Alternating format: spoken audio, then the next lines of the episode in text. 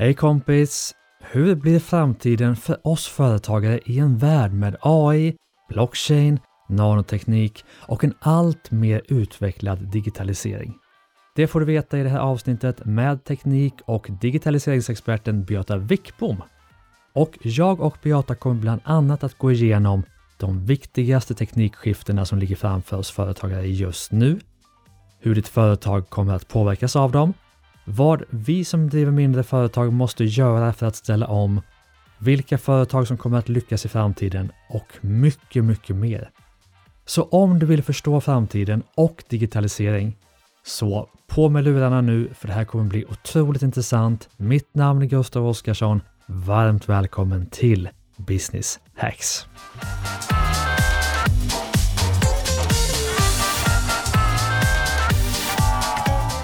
Välkommen till Business Hacks, Beata Wickbom. Tack. Hur är läget? Det är härligt. Vet du vad, jag älskar att bli intervjuad för det är Ja. ett bra sätt att komma på vad jag egentligen tycker och tänker och vad jag kan. Ja, men det är sant. Men du, var, vi sa just innan att det var länge, vi har jobbat lite ihop, det var länge sedan vi sågs, vi gjorde en Mitt Företag-turné ihop för kanske, inte vet jag, 6-7 år sedan. Vi jobbade ihop på något som hette, eller heter fortfarande kanske, hette i alla fall Academy of Excellence, ett tillväxtprogram som jag startade 2010 tror jag. Så vi har ju stött ihop varandra, stött ihop med varandra ganska mycket. Men för de som inte känner dig, ska vi ta bara Beata Wickbom i fem meningar? Ja, eh, från början eh, ekonom, jobbat med eh, digital affärsutveckling, kom tidigt in på internet Mm. eh, och hade turen att förstå de möjligheterna. Och sen hållit fast i det här med digitalt intresse och sen lagt på förmågan att moderera samtal så att jag också har varit en efterfrågad moderator. Mm. Och det låter så här, vad har de med varandra att göra? Men genom att kunna leda samtal så blir du inbjuden att vara på koncernevent och där får du lära dig Ja. nya grejer. Så att jag fyller på mitt kunnande genom moderatorskapet väldigt mycket och Mm. sen håller jag ett, ett tydligt öga på tekniktrender och Yes. kan vara rådgivare inom båda områden, Mm. och affärsutveckling och teknik. För min tanke är, jag vet ju att du är en av de främsta teknikexperterna i Sverige och du är ganska bred också så man kan ha ett samtal om teknikskiften i det stora, i makroperspektivet, men också gå in lite på 90 gritty för det mindre bolaget och se, okej, vad måste jag göra nu? Va? Allt från att du var med och bland de första medarbetarna på Spray fram till nu så har du, du har ju koll på grejerna va? Så att det tycker jag att ska bli jättespännande att snacka om. Och vi har ju tänkt att dela upp vårt samtal i två avsnitt. Det första avsnittet som du som lyssnar lyssnar på nu kommer vara ett mer ett makroperspektiv. Vilka teknikskiften ser vi nu i världen? Vad måste jag göra i mitt bolag för att klara av dem? Och ja, hur, hur förstår jag framtiden och hur blir jag relevant i den? Sen kommer vi gå in i nästa avsnittet på att mer digitalisera och transformera det lilla bolaget och vad man gör då, vilka verktyg man kan använda och så vidare. Så det låter ju i mina ögon, öron säger man väl i en podd, väldigt spännande. Min hjärna börjar redan gå igång Ja. på så här, snart kommer första frågan. Ja, exakt, exakt. Han babblar på liksom. Men låt mig gå in då på första frågan. Ska vi, vara, ska vi börja i det stora? Vilka teknikskiften ser du i världen just nu som kommer att påverka oss som driver bolag?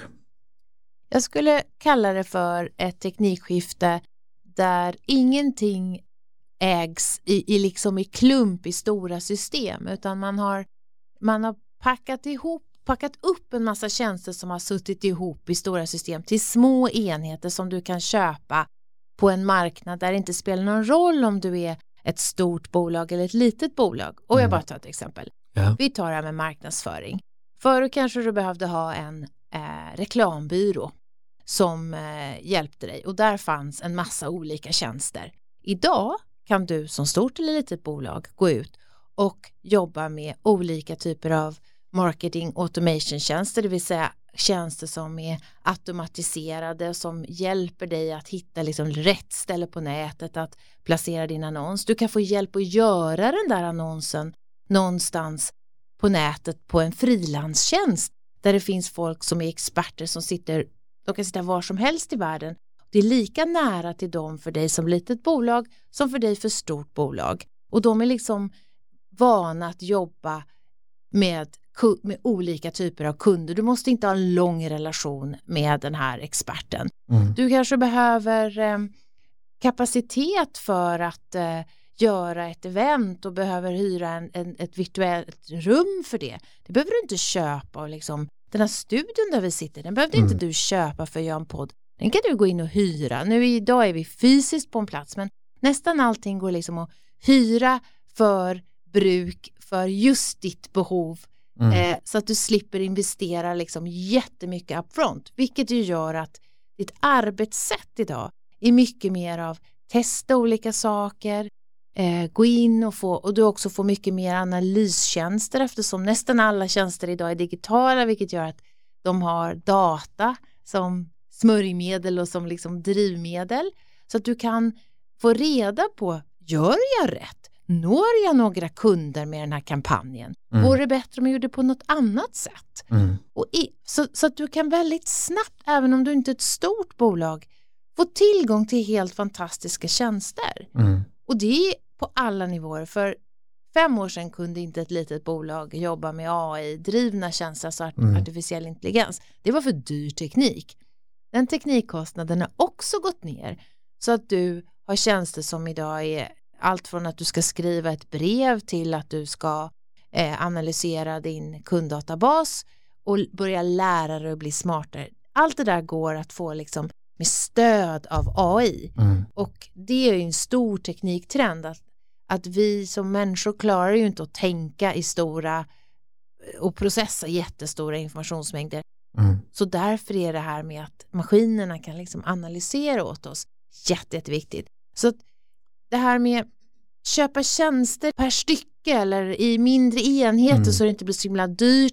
Man behöver inte sitta fast i långa, i långa relationer tillsammans med att data och datakraften finns där för att hjälpa oss förstå, gör vi rätt, borde vi göra på något annat sätt, är det här träffsäkert? Mm. Det är liksom två stora skiften.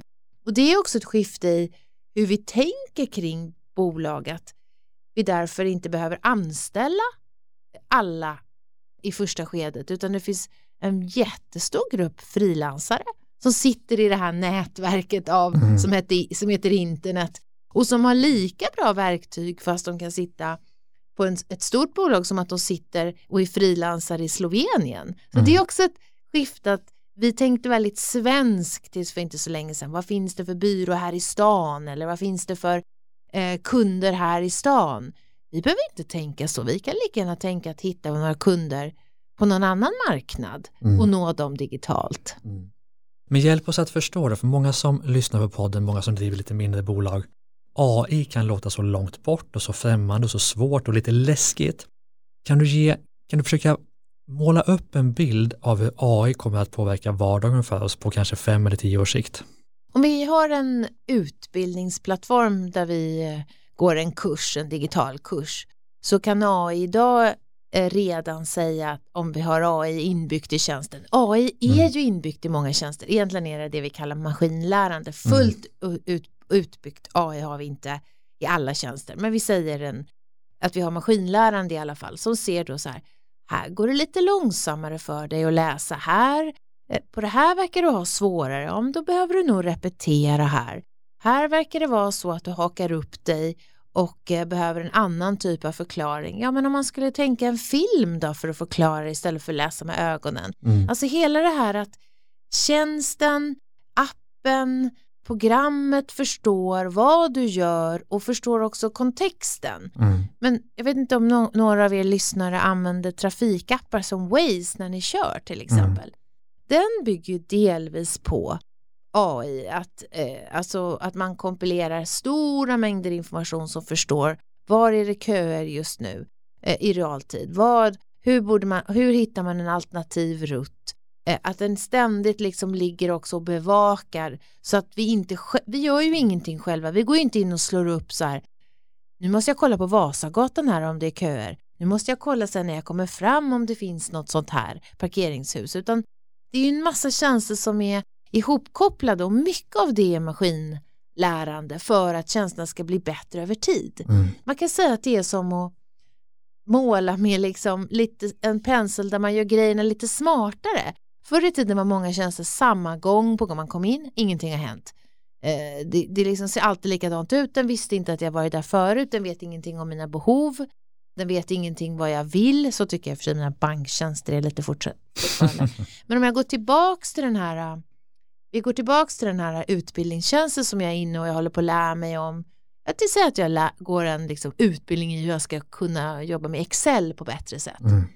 Så har jag gått in och så har jag fastnat på samma ställe flera gånger och då kanske det också handlar om att göra övningarna lite lättare för mig så att jag inte ska tappa motivationen. Många av de här tjänsterna bygger på djupa insikter om beteendekunskap, mm. vetenskap. Det kanske handlar om att ge mig kortare uppgifter tills det funkar. Det är som att ha liksom en smart lärare i det här e-learning-programmet. Mm. Om vi lägger AI på en vårdtjänst så kanske det handlar om att läkaren har, ett, har stöd av artificiell intelligens när man analyserar en röntgenplåt så att den kan snabbare se mönster som avviker än en trä, ett tränat läkaröga måste trots allt titta mm. rätt så länge innan man liksom ser en avvikelse. Det kan byggas in i en kamera som fotar av till exempel födelsemärken om man vill se avvikelser för malignt melanom. Mm. Den kan byggas in i men den kan byggas in i din bil också och göra en liksom AI-stödd vindruta mm. för att hjälpa dig att visa om du behöver det stöd för hur du ska köra och då följer den dina ögonrörelser och den kanske den tar hänsyn till trafiken och så man kan säga att där mänsklig kapacitet inte klarar av att hantera stora mängder information i realtid, mm. där passar ju AI väldigt bra. Mm. Och vi kommer ju i nästa avsnitt att gå ner lite mer på 90 gritty och prata om vilka verktyg finns idag och hur kan man gå tillväga själv. Men som företagare måste man redan nu börja tänka att, att jag måste hänga med i det här eller kan man avvakta lite? Det, jag ser det ju som en möjlighet att mm. det spelar ingen roll om du har ett litet restaurang, en liten restaurang i Visby eller om du driver en friskola i, i innerstan i en storstad. Det finns alltid tjänster som du som företagare kan ha glädje av som allt från liksom smartare redovisningstjänster, fördomsfri rekrytering, mm. snabbare jobba med utbildning av dina medarbetare, eh, slippa en massa administration som kan automatiseras om du väljer en försäkring som där du bara pratar in ett röstmeddelande vad om du har en skada snarare än att sitta och fylla i en lång krånglig tjänst mm. så tycker jag att du ska göra livet lite lättare för dig på alla nivåer genom att titta igenom och se, för det finns otroligt många tjänster. Du skulle kunna tipsa om några, eh, Gustav, i, liksom, jag tänker på Hedvig för försäkringar, jag tänker mm. på alla typer av bokföringstjänster som idag eh, är otroligt enkla att använda och som ger dig klockrena rapporter utan att du har nuddat ett papper. Liksom. Mm. Så det, jag tänker på alla företagare som lägger så mycket tid på sådana moment. Mm. Men även för att snabbt ta fram en snygg presentation eller, nu har vi inte AI här utan bara gå på nätet och få hjälp med att göra en demofilm på någon av alla de frilanstjänster som finns. Mm. Det, är så, det är så låga kostnader jämfört med tio år sedan. Mm. Eller bygga en snabb hemsida med mallar istället för liksom sitta där med din gamla som inte funkar och mm. optimera den mm. ur, ur ett SEO-perspektiv med hjälp av en enkel testtjänst. Mm. Det ska du unna dig som företagare.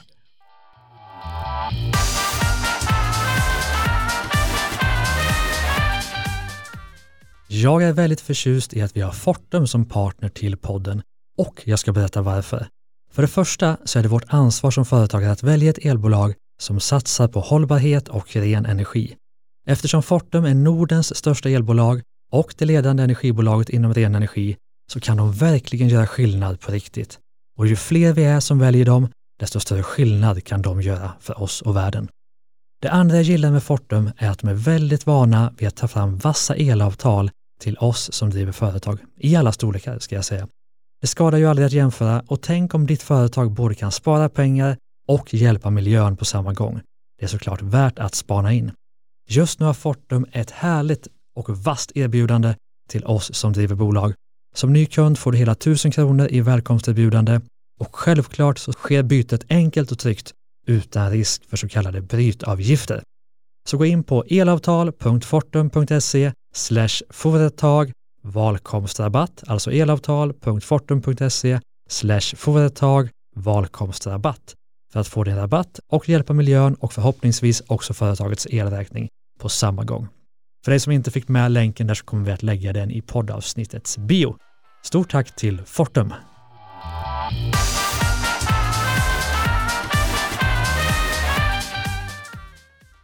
Men digitaliseringen då, AI är ju ofta ganska starkt kopplad till digitalisering, eller det är väl väldigt starkt kopplad till maskininlärning också. Men förutom det, alltså det är ju den kanske största trenden som vi pratar om i alla de här samtalen om teknikskiften. Vilka fler trender ser du? Alltså, ofta kommer man ju in tycker jag, på blockchain och nanoteknik och liknande, men vilka ser du som det här kommer verkligen revolutionera världen förutom AI och digitalisering? Ja, de två kanske jag inte skulle nämna i första eh, steget för jag skulle nog det jag var inne på i början det här med att mm. man kan sitta var som helst och tjänster blir mindre och mindre. Det bygger mm. ju på det vi kallar för, för lagringsteknologin moln, att man kan laga mm. i moln. Mm. Förut så satt du så hade du köpt ett program eller eh, någonting och så fanns det hos dig mm. och så måste du varje gång det inte funkar uppdatera. Nu tar ju du bara rygg på det här stora mjukvar eller lilla mjukvarubolaget som du har mm. köpt av och det ska alltid funka och det uppdateras på natten och det släpps nya versioner. Så lagringsteknologin och därmed delningsmöjligheten att om jag då använder ett, vi säger ett eh, utbildningsprogram igen och så är resultaten av alla eh, studenter och människor som går, om det är företagsutbildning, som går, lagras ju tillsammans eh, anonymt i molnet.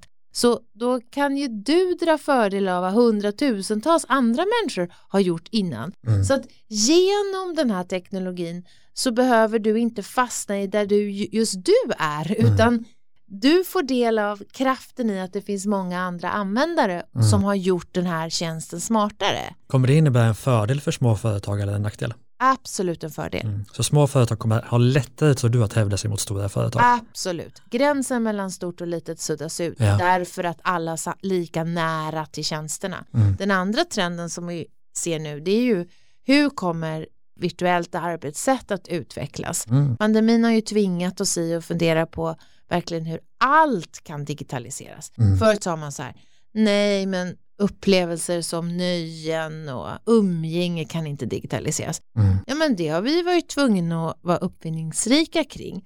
Och då tror jag att det kommer nya områden som vi säger försäljning.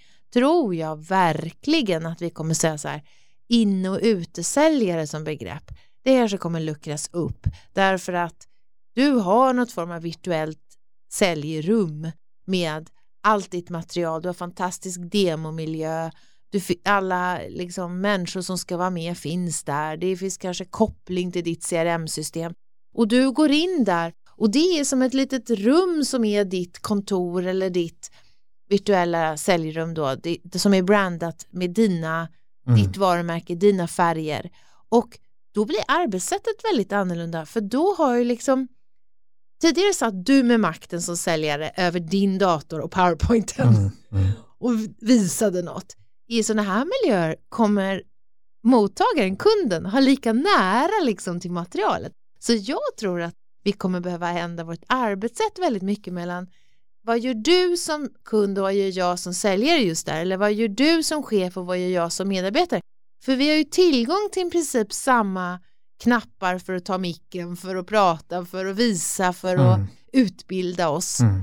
Och sakerna ligger, alla utbildningar, alla dokument ligger i delade mappar där jag kan nå dem, där du kan nå dem och vi suddar liksom gränsen för innanför och utanför. Och då mm. behöver vi träna på vad behövs det för ledarskap, vad behövs det för bemötande, hur bygger vi tillit? Så att jag ändå känner mig bra och kompetent när du i princip kan titta in och kolla vad jag gör för mm, jobb. Mm, mm. Så det tror jag är ett väldigt stort skifte också. Mm. Men ska vi ta den då? För att vi har ju börjat jobba mer digitalt, eh, mer virtuellt eh, under senaste året. Men om vi tittar då två, tre, fem år framåt, för alla som lyssnar driver bolag och de vill gärna förbereda sig på framtiden. Hur tror du att vi kommer att jobba på några års sikt? Jag tror att det kommer finnas mer expertis och forskning kring vad är ett, hybrid, ett, ett, ett arbetssätt som vi som liksom utnyttjar hybrida möjligheter, det vill mm. säga Ibland är det digitalt och ibland är det fysiskt och att vi Mm. kommer veta mycket mer hur receptet för arbetet ska se ut. Är det bättre att vi första relation träffas på något fysiskt sätt, sen tar relationen vidare genom att jobba i ett virtuellt rum Mm. och sen kanske vi har utvärdering en gång om året, ja då gör vi något riktigt kul tillsammans. Då, då ska vi verkligen lära känna varandra på Mm. djupet. Hela det där behöver ju utvecklas. Mm. Och sen så behöver vi förstå vad som skapar tillit och vad som skapar närhet i de digitala kanalerna. För idag är vi lite tvingade till det. Pandemi, pandemin tvingade oss till att lära väldigt mycket av det nya.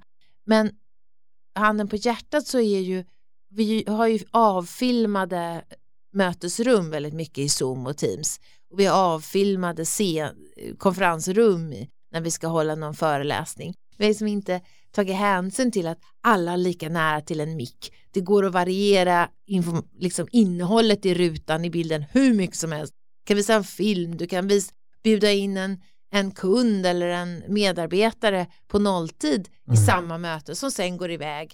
Du kan gå ut i ett grupprum utan att tappa någon på fem sekunder. Mm. Så vi har ju liksom vi människor har fastnat i att vi har lagt lite karbon på vårt fysiska beteende och så har vi lagt det och så har vi sagt okej vi måste göra det här digitalt. Ja, så är det liksom lite avfilmat om du förstår vad jag menar. Mm. Det kommer ju de som börjar utforska hur det här ska funka och också förstå hur man, för det som händer nu är ju de som jobbar åt oss som vi har lagt tid på att hitta och träna upp och så de börjar ju tappa lite så här känslan vad de jobbar om de aldrig träffar teamet ordentligt. Och är vi dåliga då på de digitala mötena så att de är liksom lite tråkiga då byggs ju inte den där starka sammanhållningen. Mm. Så här kommer ju, jag tror det här kommer vara mycket viktigare än vad vi tror, att ha koll på digitalt arbetssätt helt enkelt. Mm. Intressant. Men du, eh, innan vi börjar ge oss eh, in på nästa ämne, det vill säga mer gå in på verktyg och nitty gritty. Är det några trender så i det övergripande som vi har missat nu, som man som företagare verkligen bör förstå? Ja, jag tror att eh, vi har vi har professionaliserat väldigt mycket tack vare molntjänsten. Alltså att, att små bolag också kan få tillgång till extremt duktiga analytiker om det handlar om Mm. att förstå hur man ska segmentera eller förstå viktiga kundinsikter. Det är inte bara förbehållet eh, stora bolag med stor budget. Och då, då, där ser jag att liksom, teknikskiftet är gör ingenting som inte är i uppkopplad molnbaserad tjänst. Sitt inte och gör något lokalt som bara du kan och ser och gör utan Mm. använd möjligheten att docka in i ett större system så jobbar ju de alla stora tjänster idag nästan Mm. och på så sätt börja utforska vad finns det för analyslager här Mm. så att du kan vässa din verksamhet och börja lära dig också, det kommer vi i nästa avsnitt av, men hur gör jag om jag vill ta reda på hur jag når fler kunder?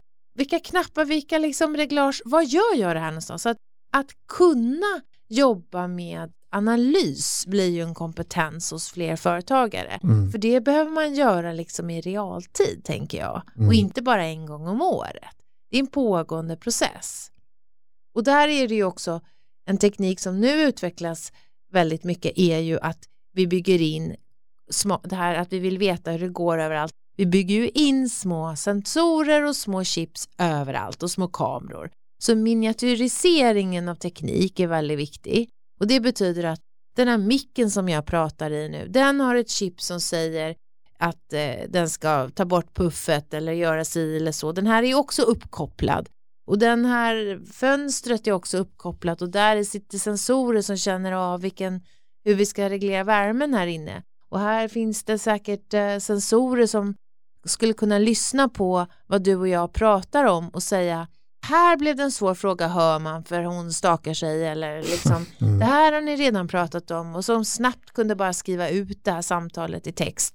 Alla den där typen av tjänster bygger på sensorer och analyskapacitet så att det blir någonting av det så man inte bara ställer ut alla de här grejerna. Och Mm. det, uppkopplade lagårdar, uppkopplade kläder, alltså att få ut information ur fler processer, prylar, skeenden, människor. Det är ju en, det är en enorm trend. Mm. Och då måste du vara nyfiken på vad ska jag göra med all den här kunskapen? Och då, då börjar du ju i vad är, har jag för insikter om mina kunder? Mm. Vad är det de inte är nöjda med? Och det är ju där du ska börja. Så tack och lov har vi ju liksom kundinsikter som ledstång. Annars så skulle vi ju bara sitta med massa data och inte veta hur vi skulle kunna komma vidare. Mm. Oj, mycket och spännande. Och det här tycker jag var ju ett perfekt första avsnitt för att förstå liksom makroperspektiven och vad händer i världen. Ska vi försöka sammanfatta de här första 20 minuterna i någon form av trestegsraket, trestegsmodell i, okej, okay, vilka är huvudtrenderna jag måste förstå just nu som företagare? Mm. Att alla tjänster håller på att bli tillgängliga för alla oavsett om du är stor eller liten. Mm. Alla tjänster bygger på data samlas in, data analyseras och data eh, ger oss analyser där vi kan förstå hur vi ska optimera och styra även om eh, du bara är en användare som använder en del. Mm. Och trean är att eh, du kan få in data på så väldigt många sätt. Så undrar du om någonting, hur går det liksom med det här och här? Mm. Då finns det nästan alltid ett sätt idag att mäta det och få in den datan så att du kan börja använda den. Det det är tre stora trender. Det handlar om lagring, det handlar om AI och så handlar det om sensorer och miniatyrisering. Alltså. Det är magiskt. Beata, fantastisk start på vårt samtal. Så stort tack för första eh, avsnittet tillsammans. Tack. Och till dig som lyssnar, passa på nu att gå in och prenumerera på Business X så att du inte missar nästa avsnitt där vi ska snacka mer om verktygen du kan använda för att digitalisera och transformera ditt bolag redan idag. Och spana också in varandra på den Starta eget-podden och Ordinary People Who Do Badass Things. Stort tack för nu!